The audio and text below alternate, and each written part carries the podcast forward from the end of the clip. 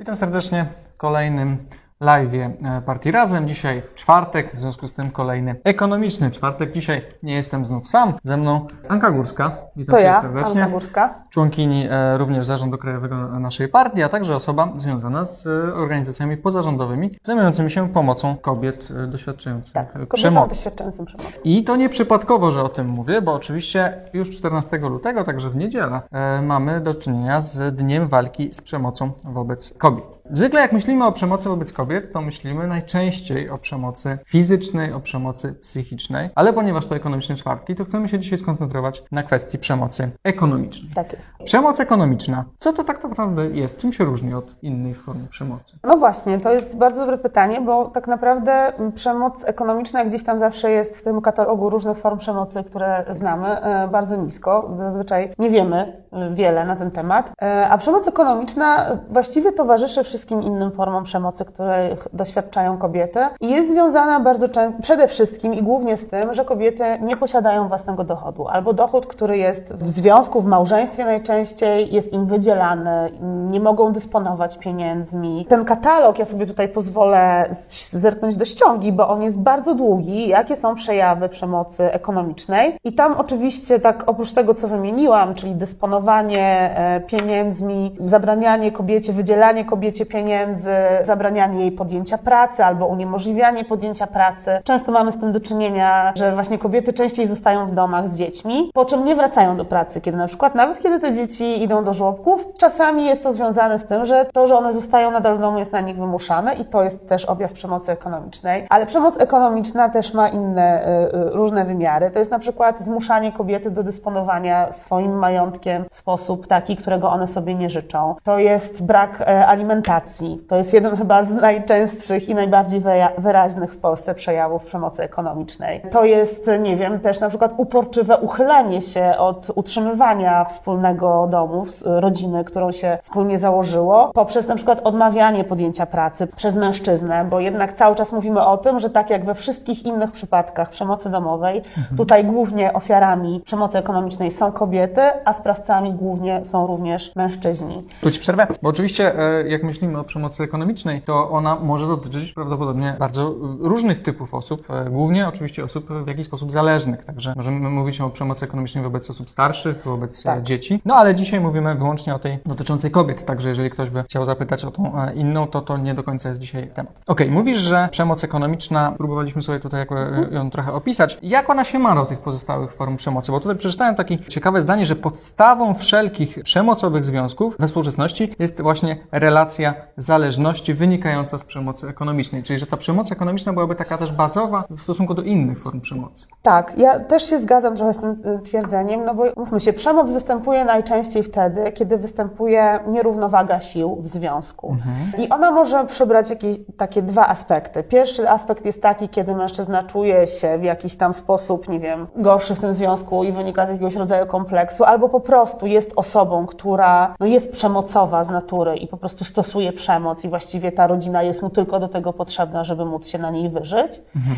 Ale jednak bardzo często ta relacja zależności kobiety od mężczyzny, wynikająca właśnie z nierównego dochodu albo z tego, że kobieta w ogóle nie ma dochodu, bo wykonuje tylko nieodpłatną domową pracę, ona też sprawia, że ten rodzaj zależności wpływa na to, że mężczyzna zaczyna stosować zachowania przemocowe. I oczywiście najmniej widocznymi przejawami tej przemocy właśnie wobec tej kobiety jest właśnie przemoc ekonomiczna i przemoc psychiczna, która zresztą bardzo często jest nieuświadomiona, w sensie takim, że kobiety nie zdają sobie sprawy z tego, że doświadczają tej przemocy, ponieważ na skutek tego, jak jesteśmy cały czas w Polsce wychowywane, głównie mówię my, dziewczynki, kobiety, mhm. wydaje im się, że taka relacja, kiedy one nie przynoszą dochodu, kiedy całym, e, jak gdyby głównym źródłem dochodu w rodzinie jest ten partner, mąż, jest naturalna. I je nie uświadamiają uświadamiają sobie tego, że w momencie, w którym wydzielane są im pieniądze, kiedy one rozliczane są z każdego wydatku, kiedy nie ma tak naprawdę prowadzenia takiego wspólnego domu, pomimo tego, że tylko jedna osoba przynosi fizycznie ten dochód w postaci pieniądza, to jest to jednak przemoc. I tutaj warto zwrócić uwagę na to, o czym w ogóle rzadko się mówi i, i chciałabym to z całą mocą podkreślić, że nawet w sytuacji, w której tylko jedna osoba przynosi dochód w postaci pieniędzy do domu, domu, do gospodarstwa domowego, kiedy mówimy o związku małżeńskim, w którym występuje wspólnota majątkowa, małżeńska wspólnota majątkowa, to jest to dochód obojga partnerów. Nie jest tak, że jeżeli tylko mąż zarabia, to to są tylko jego pieniądze, ponieważ kobieta wykonuje również pracę. Jest to praca nieodpłatna, domowa, opiekuńcza wobec dzieci, które posiadają, opiekuńcza wobec domu, który prowadzą wspólnie, więc ona ma takie samo prawo dysponowania tym dochodem i tym majątkiem, który gromadzą w trakcie swojego małżeństwa, jak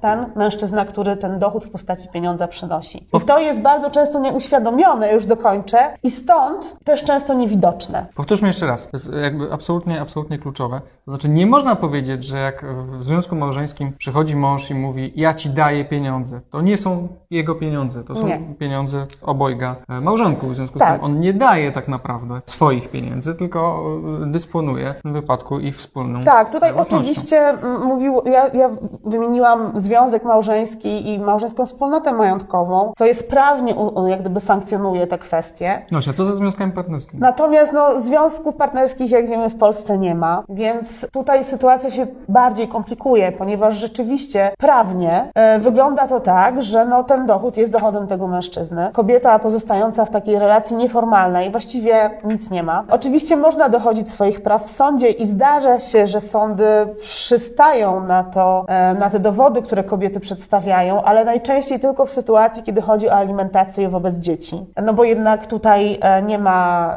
no, no nie da się temu zaprzeczyć, tak, że ta no, obowiązek alimentacyjny pozostaje. I tutaj sytuacja jest bardzo skomplikowana prawnie i no chciałoby się, żebyśmy żyli w takim kraju, w którym nie będzie miało znaczenia, czy to jest zalegalizowany związek małżeński, czy to jest relacja partnerska i żeby wszyscy byli traktowani równo i rozumieli, że jeżeli prowadzi się wspólnie gospodarstwo domowe, to i wpływy, i dysponowanie majątkiem są wspólne, niezależnie od tego, czy te pieniądze się do tego wkłada, no ale niestety prawnie to wygląda bardzo źle i rodzi kolejne bardzo duże nierówności. Powiedziałeś o tym, że o, alimentacji głównie myślimy jako o czymś, co dotyczy dzieci, ale alimenty należą się także kobiecie, która nie jest, nie, nie, właśnie nie dziecku, tak? tylko Tak. po prostu po rozstaniu także kobiety. Tak, i bardzo często właśnie ten problem przemocy ekonomicznej, on w sensie takim formalnym i uświadomionym pojawia się u kobiet wtedy, kiedy dochodzi na przykład do rozpraw rozwodowych, kiedy staje się, spotyka się z radcą czy z adwokatem i, i próbuje się jak gdyby rozłożyć ten związek na czynniki pierwsze i bardzo często dopiero wtedy kobiety sobie uświadamiają, że tak naprawdę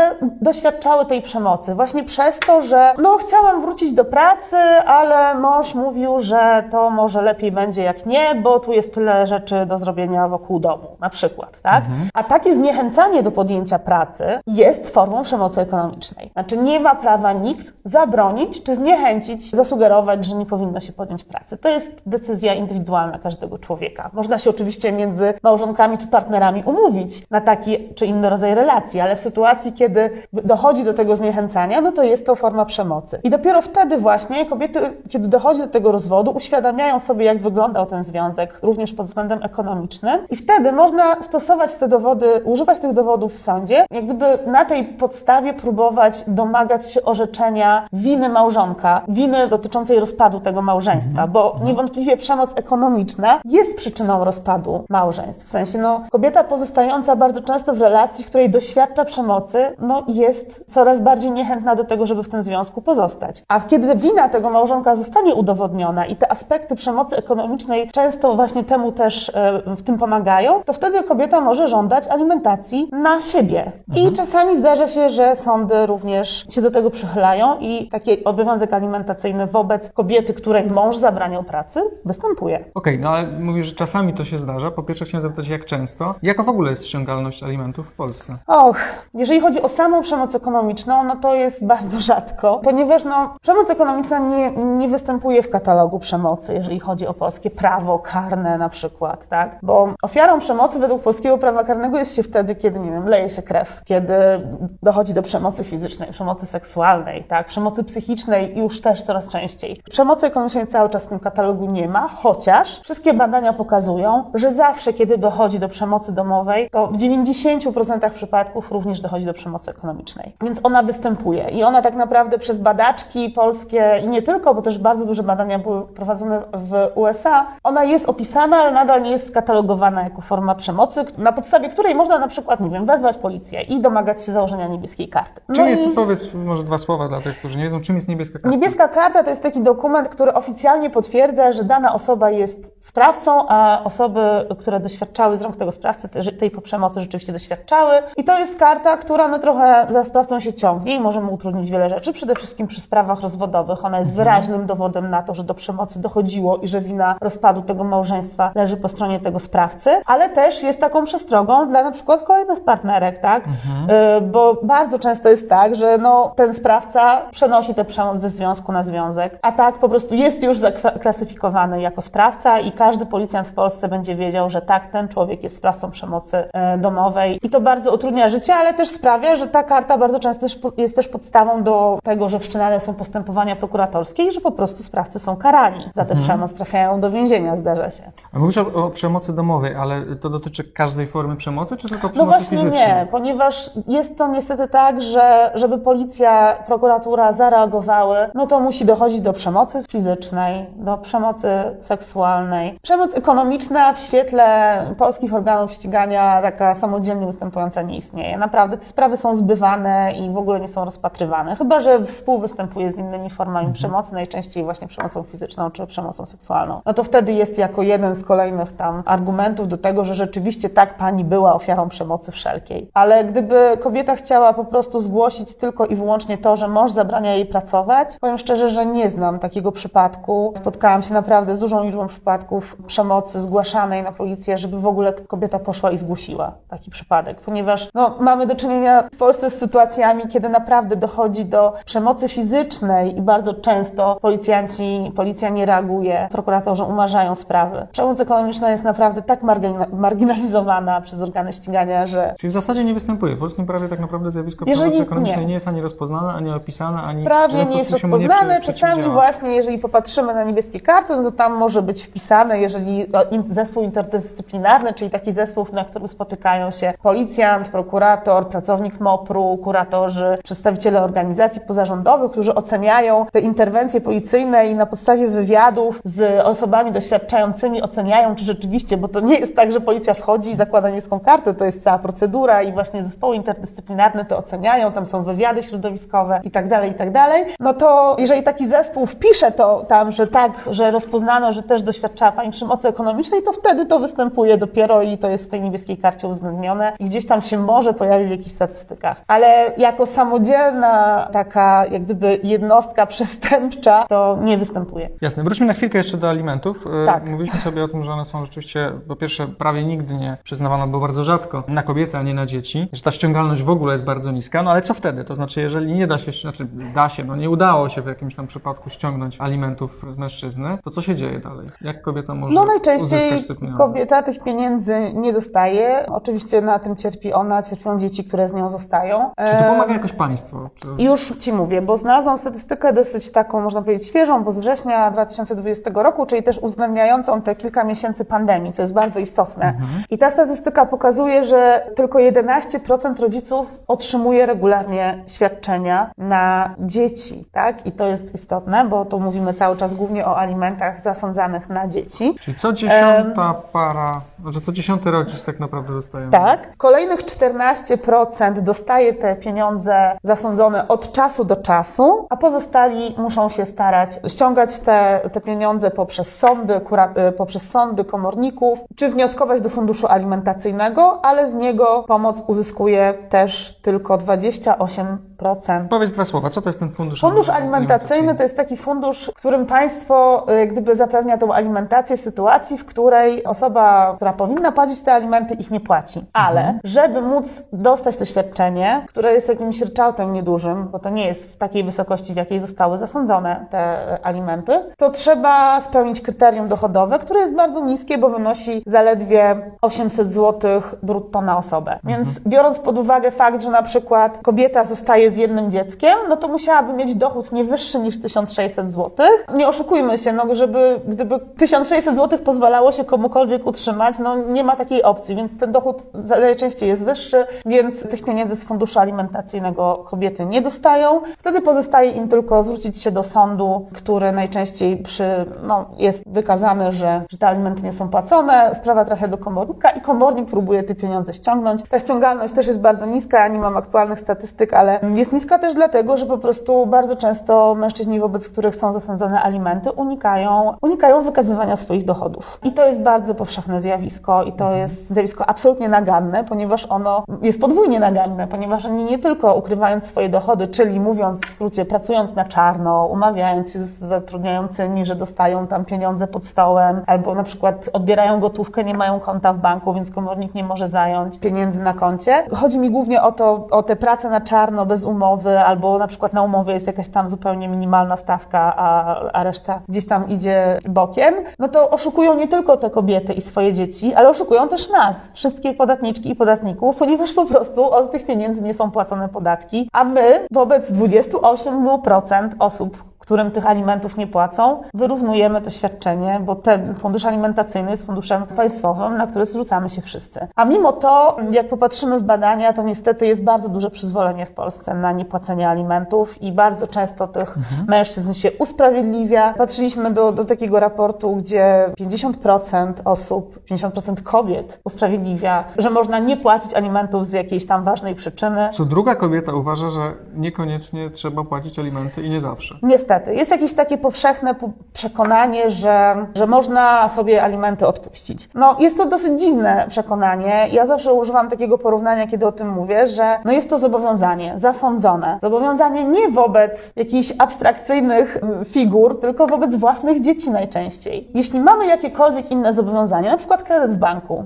i powinie nam się noga, stracimy pracę, to idziemy do tego banku i próbujemy się z tym bankiem dogadać mhm. i powiedzieć, nie mogę płacić przez dwa miesiące, szukam nowej pracy pracy. Ale kiedy powinien nam się noga i nie możemy płacić alimentów, mężczyźni nie mogą, to nie idą do tych kobiet negocjować i mówić im, nie mogę przez dwa miesiące, spłacę ci to przez kolejne cztery. Najczęściej po prostu tych alimentów się nie płaci, a połowa Polek i Polaków jest w stanie to usprawiedliwić. No to jest rzeczywiście y, y, bardzo, bardzo szokujące. Już się pojawiają pytania i ja jeszcze zadam, zanim oddamy głos e, naszym Jeszcze jedną widzom. tylko rzecz chciałam powiedzieć o tych alimentach, ponieważ tutaj zauważono duży wzrost niepłacenia alimentów w zeszłym roku właśnie od momentu, w którym zaczęła się pandemia i w ogóle to, co się zaczęło dziać z przemocą ekonomiczną i w ogóle przemocą wobec kobiet w czasie pandemii, to jest trochę osobny temat, ale chciałam do tego nawiązać, że to, co nam zrobiła pandemia i, kolej, i ten kryzys gospodarczy wywołany no, koniecznymi lockdownami, to pokazała bardzo jasno, jak bardzo uśmieciowiona, sprekaryzowana jest praca kobiet. Głównie to kobiety traciły pracę, to kobiety wracały na utrzymanie swoich mężów i partnerów. Zdarzały się nawet przypadki, wiem o przynajmniej kilku z miasta którym mieszkam e, z Gdańska, że kobiety, które wyrwały się z przemocy,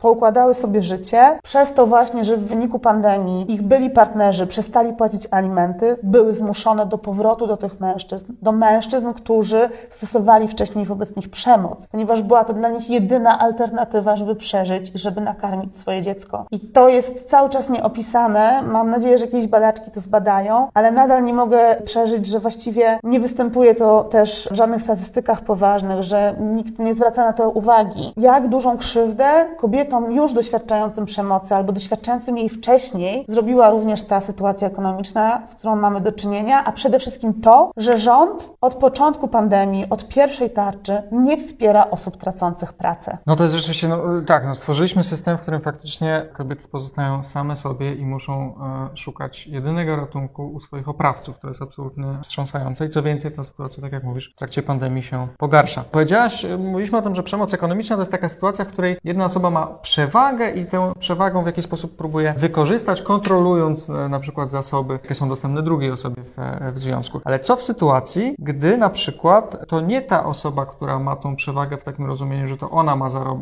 za, zarabia na życie, jest oprawcą czy osobą, która wykonuje, znaczy jakby stosuje, stosuje przemoc ekonomiczną, tylko odwrotnie, kiedy czasami osoba, która właśnie nie ma tego zarobku, również może stosować przemoc no, ekonomiczną. No, są takie dwie sytuacje, ponieważ jest to też opisane przez badaczki, e, głównie badaczki, nie głównie kobiety się zajmowały do tej pory tym tematem, co też jest symptomatyczne, że formą przemocy ekonomicznej jest również na przykład uporczywe uchylanie się od podjęcia pracy i ułożenia mhm. na utrzymanie rodziny, na utrzymanie domu. I takie formy przemocy też są stosowane. Są też takie przypadki, że na przykład kobiety są dosyć dobrze sytuowane i dobrze zarabiają i mężczyźni po prostu wykorzystują i są w związku z taką kobietą właśnie po to, żeby wygodnie żyć. I wprost o tym mówią, stosują też bardzo wyrafinowaną przemoc psychiczną wobec tych kobiet. Z racji, no chociażby tego, no, że są mężczyznami. To zależy bardzo często też od no, konstrukcji psychicznej konkretnej osoby, od kwestii osoby, osobowościowych. Tak jak przy każdej przemocy, tak? No, jakby w zdrowej relacji dwojga ludzi, którzy no, nie mają tendencji do przemocy, nie wystąpi żadna forma przemocy. A jeżeli mamy do czynienia w związku z partnerką, partnerem najczęściej, który te tendencje do przemocy ma, ma taką naturę, ma taką osobowość, która lubi dominować i lubi udowadniać i pokazywać, że on jest górą, to bardzo często wykorzystuje sytuację, w której kobieta jest osobą, która dobrze zarabia i to jest dla niego motywem do tego, żeby tą przemoc stosować. Bo jednocześnie no, może dochodzić do jakiejś, jakiegoś rodzaju kompleksu, że to ona jest tą osobą, która zarabia bardzo dobrze, tak? I kompensuje sobie właśnie te swoje niedobory poprzez stosowanie wobec niej przemocy. Więc jest to, no mówię, ta przemoc ekonomiczna jest bardzo często powiązana, jeżeli nie występuje przemoc fizyczna, a tak też jest często, z naprawdę bardzo wyrafinowanymi formami przemocy psychicznej. Ja nie chcę się tutaj wymądrzeć, nie jestem psycholożką ani psychoterapeutką, ale mówi się i czasami można przeczytać w badaniach, no, że są osobowości psychopatyczne, które po prostu, no, mężczyźni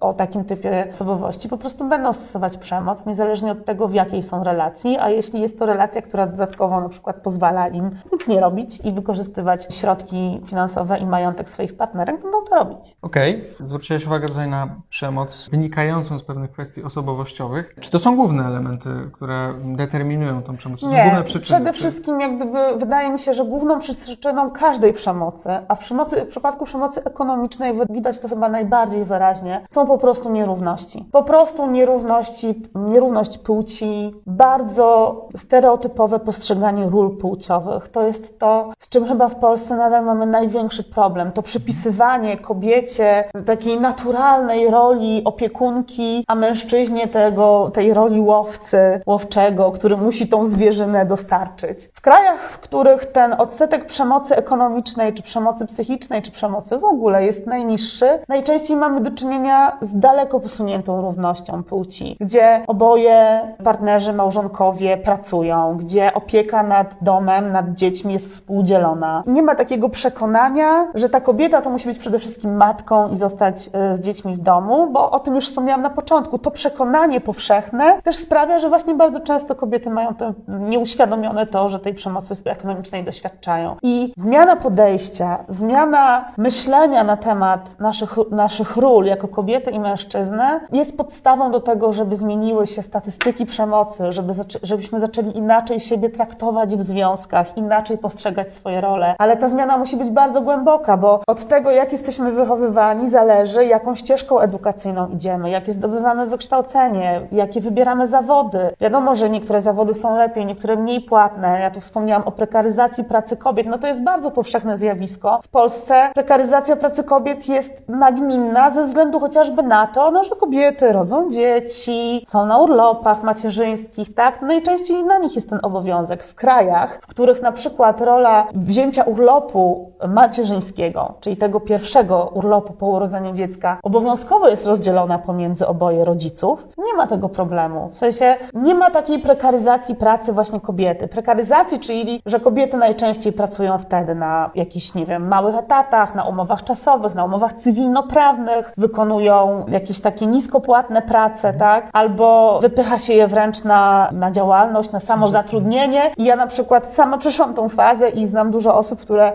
dużo kobiet, które po urodzeniu dziecka na przykład zajęły się rękodzielnictwem, jakimiś takimi mhm. formami y, pracy, którą mogą wykonywać z domu, co też jakby no, wpływa na to, że nadal one są postrzegane jako te mm, osoby, które jednak ich priorytetem jest bycie w domu. Okej, okay. pojawiają się już pytania. Zachęcam serdecznie do, do zadawania pytania w komentarzach. Agata pyta, co sądzicie o alimentach dla rodzica? Znam tylko negatywne przypadki, jak na przykład, że ojciec znęcał się nad córką i miał ją gdzieś, a na starość wystąpił od niej o alimenty i je dostał. No tak, no polskie prawo jest tutaj dosyć takie kategoryczne w tej kwestii, że no, można wystąpić wobec, o alimenty wobec własnego dziecka i trochę też właśnie w wielu przypadkach nie uwzględnia tej historii. Ewidentnie tutaj w przypadku, który opisała Agata, mamy do czynienia z tym, że wobec tego dziecka była stosowana przemoc. Ale jest też taka kategoria przemocy ekonomicznej, która mówi o tym, że przemoc ekonomiczna występuje też wtedy, kiedy zaniedbuje się opiekę nad osobami Mhm. zależnymi i ona dotyczy też często właśnie zaniedbywania opieki nad rodzicem albo nad osobą zależną, niepełnosprawną albo nad dzieckiem. I tutaj jest, sądy zawsze przychylają się w tych przypadkach do tego, że ten rodzic jest już, nie wiem, po prostu starszy, a obowiązkiem dziecka jest się nim zaopiekować i nie uwzględniają tej przeszłości. Dlatego tak ważne jest, żeby w sytuacjach, w których dochodzi do tego, o czym Agata pisze, że rodzic znęca się nad dzieckiem, żeby no, były na to papiery po prostu, że tak powiem. Po prostu każdy rodzaj przemocy, każdą przemoc trzeba zgłaszać. Trzeba zgłaszać, trzeba się dobijać. Ja wiem, że w Polsce jest to trudne i że czasami, tak jak już wspomniałam, przemoc fizyczną można zgłaszać wielokrotnie i ona dopiero mm, jest brana poważnie, kiedy występuje absolutne zagrożenie życia, a i też nie zawsze, ale należy zgłaszać. Należy, jeśli jest sytuacja taka, że widzimy, że ktoś zaniedbuje dziecko, znęca się nad dzieckiem, zgłaszajmy to jako os- osoby trzecie, jako sąsiedzi. Mamy do czynienia z sytuacjami, kiedy dzieci znikają, dzieci umierają, dzieci zostają zabite, okazuje się, że nikt nic nie wiedział, nawet sąsiad. To jest bardzo ważne, żeby ślady po tym zostawały, bo takiej córce tego pana byłoby dużo łatwiej wtedy wytłumaczyć w sądzie, że ona nie ma obowiązku utrzymywać tego rodzica, bo on stosował wobec niej przemoc. Ale sam fakt, że w ogóle wychodzimy z takiego przekonania, że oto dziecko ma ten obowiązek, no wszak po pierwsze nie wybieramy sobie rodziców, po drugie, dlaczego obowiązki utrzymywania starszych osób mają być zrzucone koniecznie dla dzieci? Dlaczego to wynika moim zdaniem też w dużej mierze z kwestii, no po pierwsze bardzo źle funkcjonującego systemu emerytalnego, Tak. systemu zabezpieczenia osób starszych, braku usług opiekuńczych także zapewnionych przez państwo. Państwo absolutnie wycofuje się, prywatyzuje opiekę, zrzuca to na, na barki dzieci, które no nie zawsze były w dobrych relacjach ze swoimi rodzicami. Nie zawsze tym- były i są. Bywa przecież, ja też słyszałam o takich przypadkach, że kontakt pomiędzy tymi rodzicami, którzy upomnieli się o te alimenty, urwał się kilkadziesiąt lat wcześniej, tak? I, I nagle ci rodzice sobie przypominają, że kiedyś mieli dzieci. Sama znam osobiście przypadek, miałam koleżankę, która na przykład, wiedząc jaki jest ojciec dziecka, prowadziła żmudny, długoletni proces sądowy o pozbawienie go w ogóle praw rodzicielskich właśnie po to, żeby zabezpieczyć swojego syna przed tym, żeby ten ojciec kiedyś nie upomniał się o alimenty wobec niego. To pytanie, dlaczego tak jest?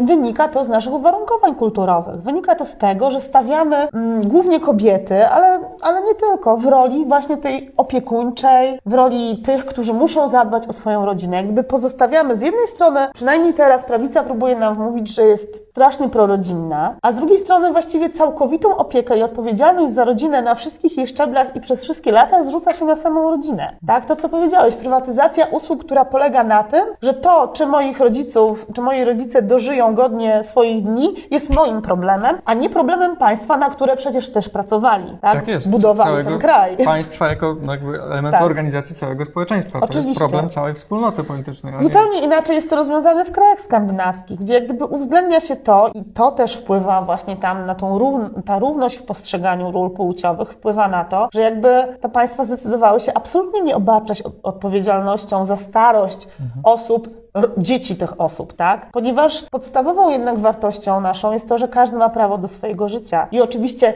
ja mogę mieć moralny obowiązek wobec moich rodziców, których kocham, tak? I ja mogę chcieć opiekować się nimi, mieszkać z nimi do, do, do życia ich dni, ale może być tak, że nie czuję tego obowiązku i tego nie chcę. I ten obowiązek, ten obowiązek w ogóle w każdym przypadku powinno przejąć państwo. A to, czy ktoś zdecyduje się opiekować swoimi rodzicami, jest jego indywidualnym wyborem. Państwo nie jest od rozwiązywania moralnych dylematów, państwo Tak, jest od, od robienia dobrze działającej polityki Tak jest. dla całego społeczeństwa. Tomasz pyta, czy notarialnie ustalona wspólnota majątkowa nie powinna być obecnie podstawą relacji ekonomicznych w związku nieformalnym? Czy jest taka opcja? A powiem szczerze, że nawet nie wiem dokładnie. Wydaje mi się, że jest. Znaczy, wiecie, to jest bardzo skomplikowany problem, ponieważ y, zupełnie inaczej widzi, widzą to banki. Na przykład nie trzeba być małżeństwem, żeby wziąć wspólny kredyt. No tak. Tak. Problem jest wtedy, kiedy nagle się okazuje, że y, nie trzeba się też rozwodzić, żeby się rozstać, no ale już żeby rozdzielić ten kredyt i go spłacić, to już jest dużo bardziej skomplikowana procedura, tak? Tak, tylko że te notarialne umowy, o których pisze Tomasz, one nie są zawierane najczęściej, po prostu ludzie wchodzą w związek, tak? To jest, można Jasne. powiedzieć, że o Jezu, bo ludzie nie myślą o swojej przyszłości.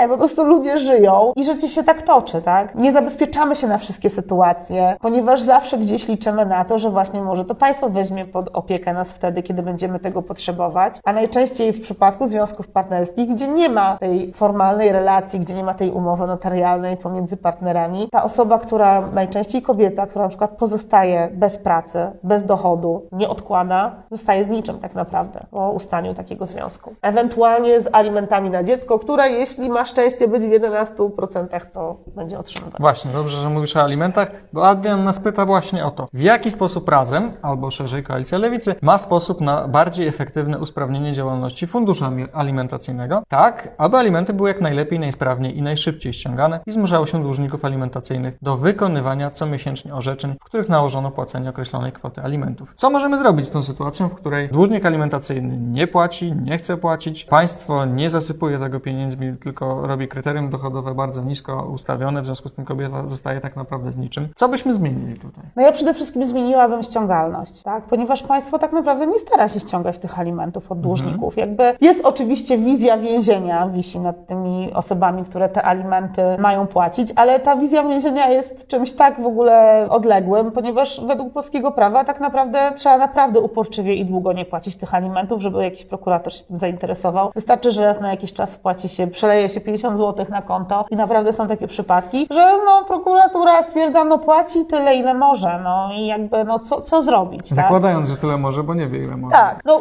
dużym też problemem jest właśnie to ukrywanie dochodów, bo być może ta ściągalność byłaby wyższa, gdyby po prostu nie było tej szarej strefy alimenciarzy, że tak powiem, i takiego przyzwolenia również zatrudniających na to, żeby wspólnie, no jest się wtedy współsprawcą tak naprawdę, no nie oszukujmy się, przestępstwa. I to podwójnego, bo i wobec tego dziecka, tak jak wspomniałam wcześniej, i wobec państwa. I nas no wszystkich. I, I nas wszystkich. No i generalnie naczelną zasadą powinno być to, że nie można zostawiać osób, które mają niski dochód bez pomocy. Czyli w pierwszej kolejności, jeżeli dochodzi do tego, że ten obowiązek alimentacyjny nie jest wykonywany, to państwo mu powinno pomóc zabezpieczyć tą rodzinę, która tych pieniędzy nie dostaje. I to kryterium dochodowe, o którym wspomnieliśmy, to jest kryterium śmieszne, bo tak jak wspomniałam, no niewiele osób w tej chwili w Polsce pracujących, no minimalna krajowa w tej chwili jest o, nie chcę się pomylić, 1000 zł wyższa od tego kryterium dochodowego, No więc jeżeli kobieta pracuje nawet za minimalną na pełen etat i ma jedno dziecko, no to ona już się nie łapie. A co to jest praca za minimalną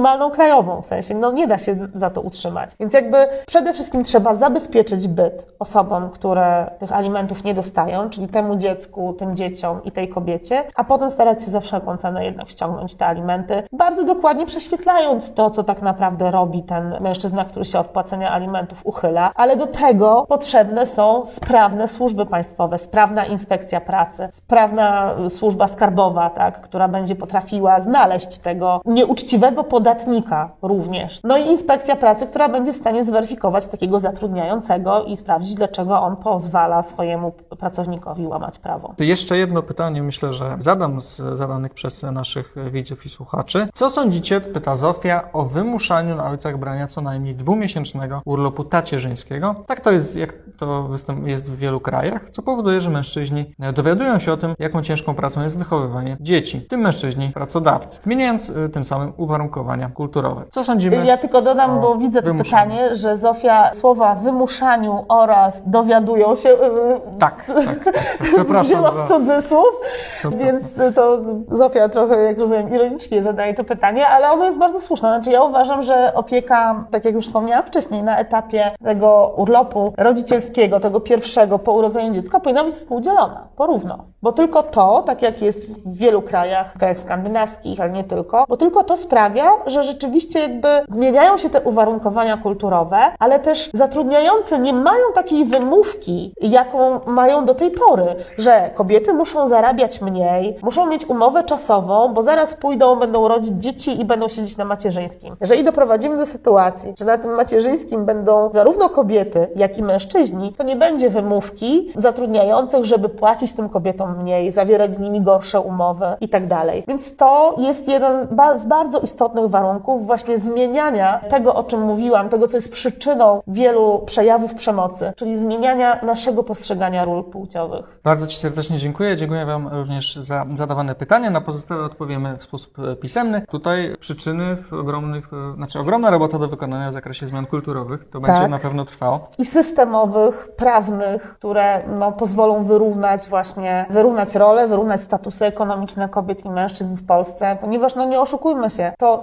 systemowe uwarunkowania, z jakimi mamy do czynienia w kraju, stoją za tymi nierównościami i stoją za tym, że to kobiety właśnie tej przemocy doświadczają częściej. Tak jest i jeszcze dorzuciłbym jedną rzecz, która trochę się pojawiła w naszej rozmowie dzisiaj, ale właśnie o tym, jak powiedziałaś, że to ten mężczyzna, ten łowczy, kobieta, ta, która opiekuje się ogniskiem domowym, no to też pamiętajmy o tym, że praca opiekuńcza, praca domowa Tak. to jest tak samo ważna, a czasami nawet ważniejsza praca. I co więcej, większość pracy tak naprawdę wykonywanej na naszej kuli ziemskiej przez ludzi, to jest praca, która ma charakter nieopłacony, wykonywana jest właśnie w większości przez kobiety. I o tym powinniśmy zawsze pamiętać. Tak, ja odeślę Was do Facebooka naszej koleżanki z Zarządu Krajowego i posłanki Paulin Matysia, która dzisiaj umieściła post na swoim Facebooku właśnie o nieodpłatnej domowej pracy kobiet. Tam jest zalinkowany artykuł, z którego między innymi dowiecie się, że 30% całego polskiego PKB, jakby je tak uczciwie policzyć, to jest właśnie wkład nieodpłatnej, opiekuńczej pracy kobiet. Doceniajmy ją i zmieniajmy system tak, Tak. żeby ten system też tę pracę absolutnie wynagradzał. i Wynagradzał doceniał. i żeby system stał za kobietami i niwelował przemoc. Wielkie dzięki. Pamiętajcie, 14 lutego, Dzień Walki z Przemocą One Billion kobiet. Rising, tak. Og-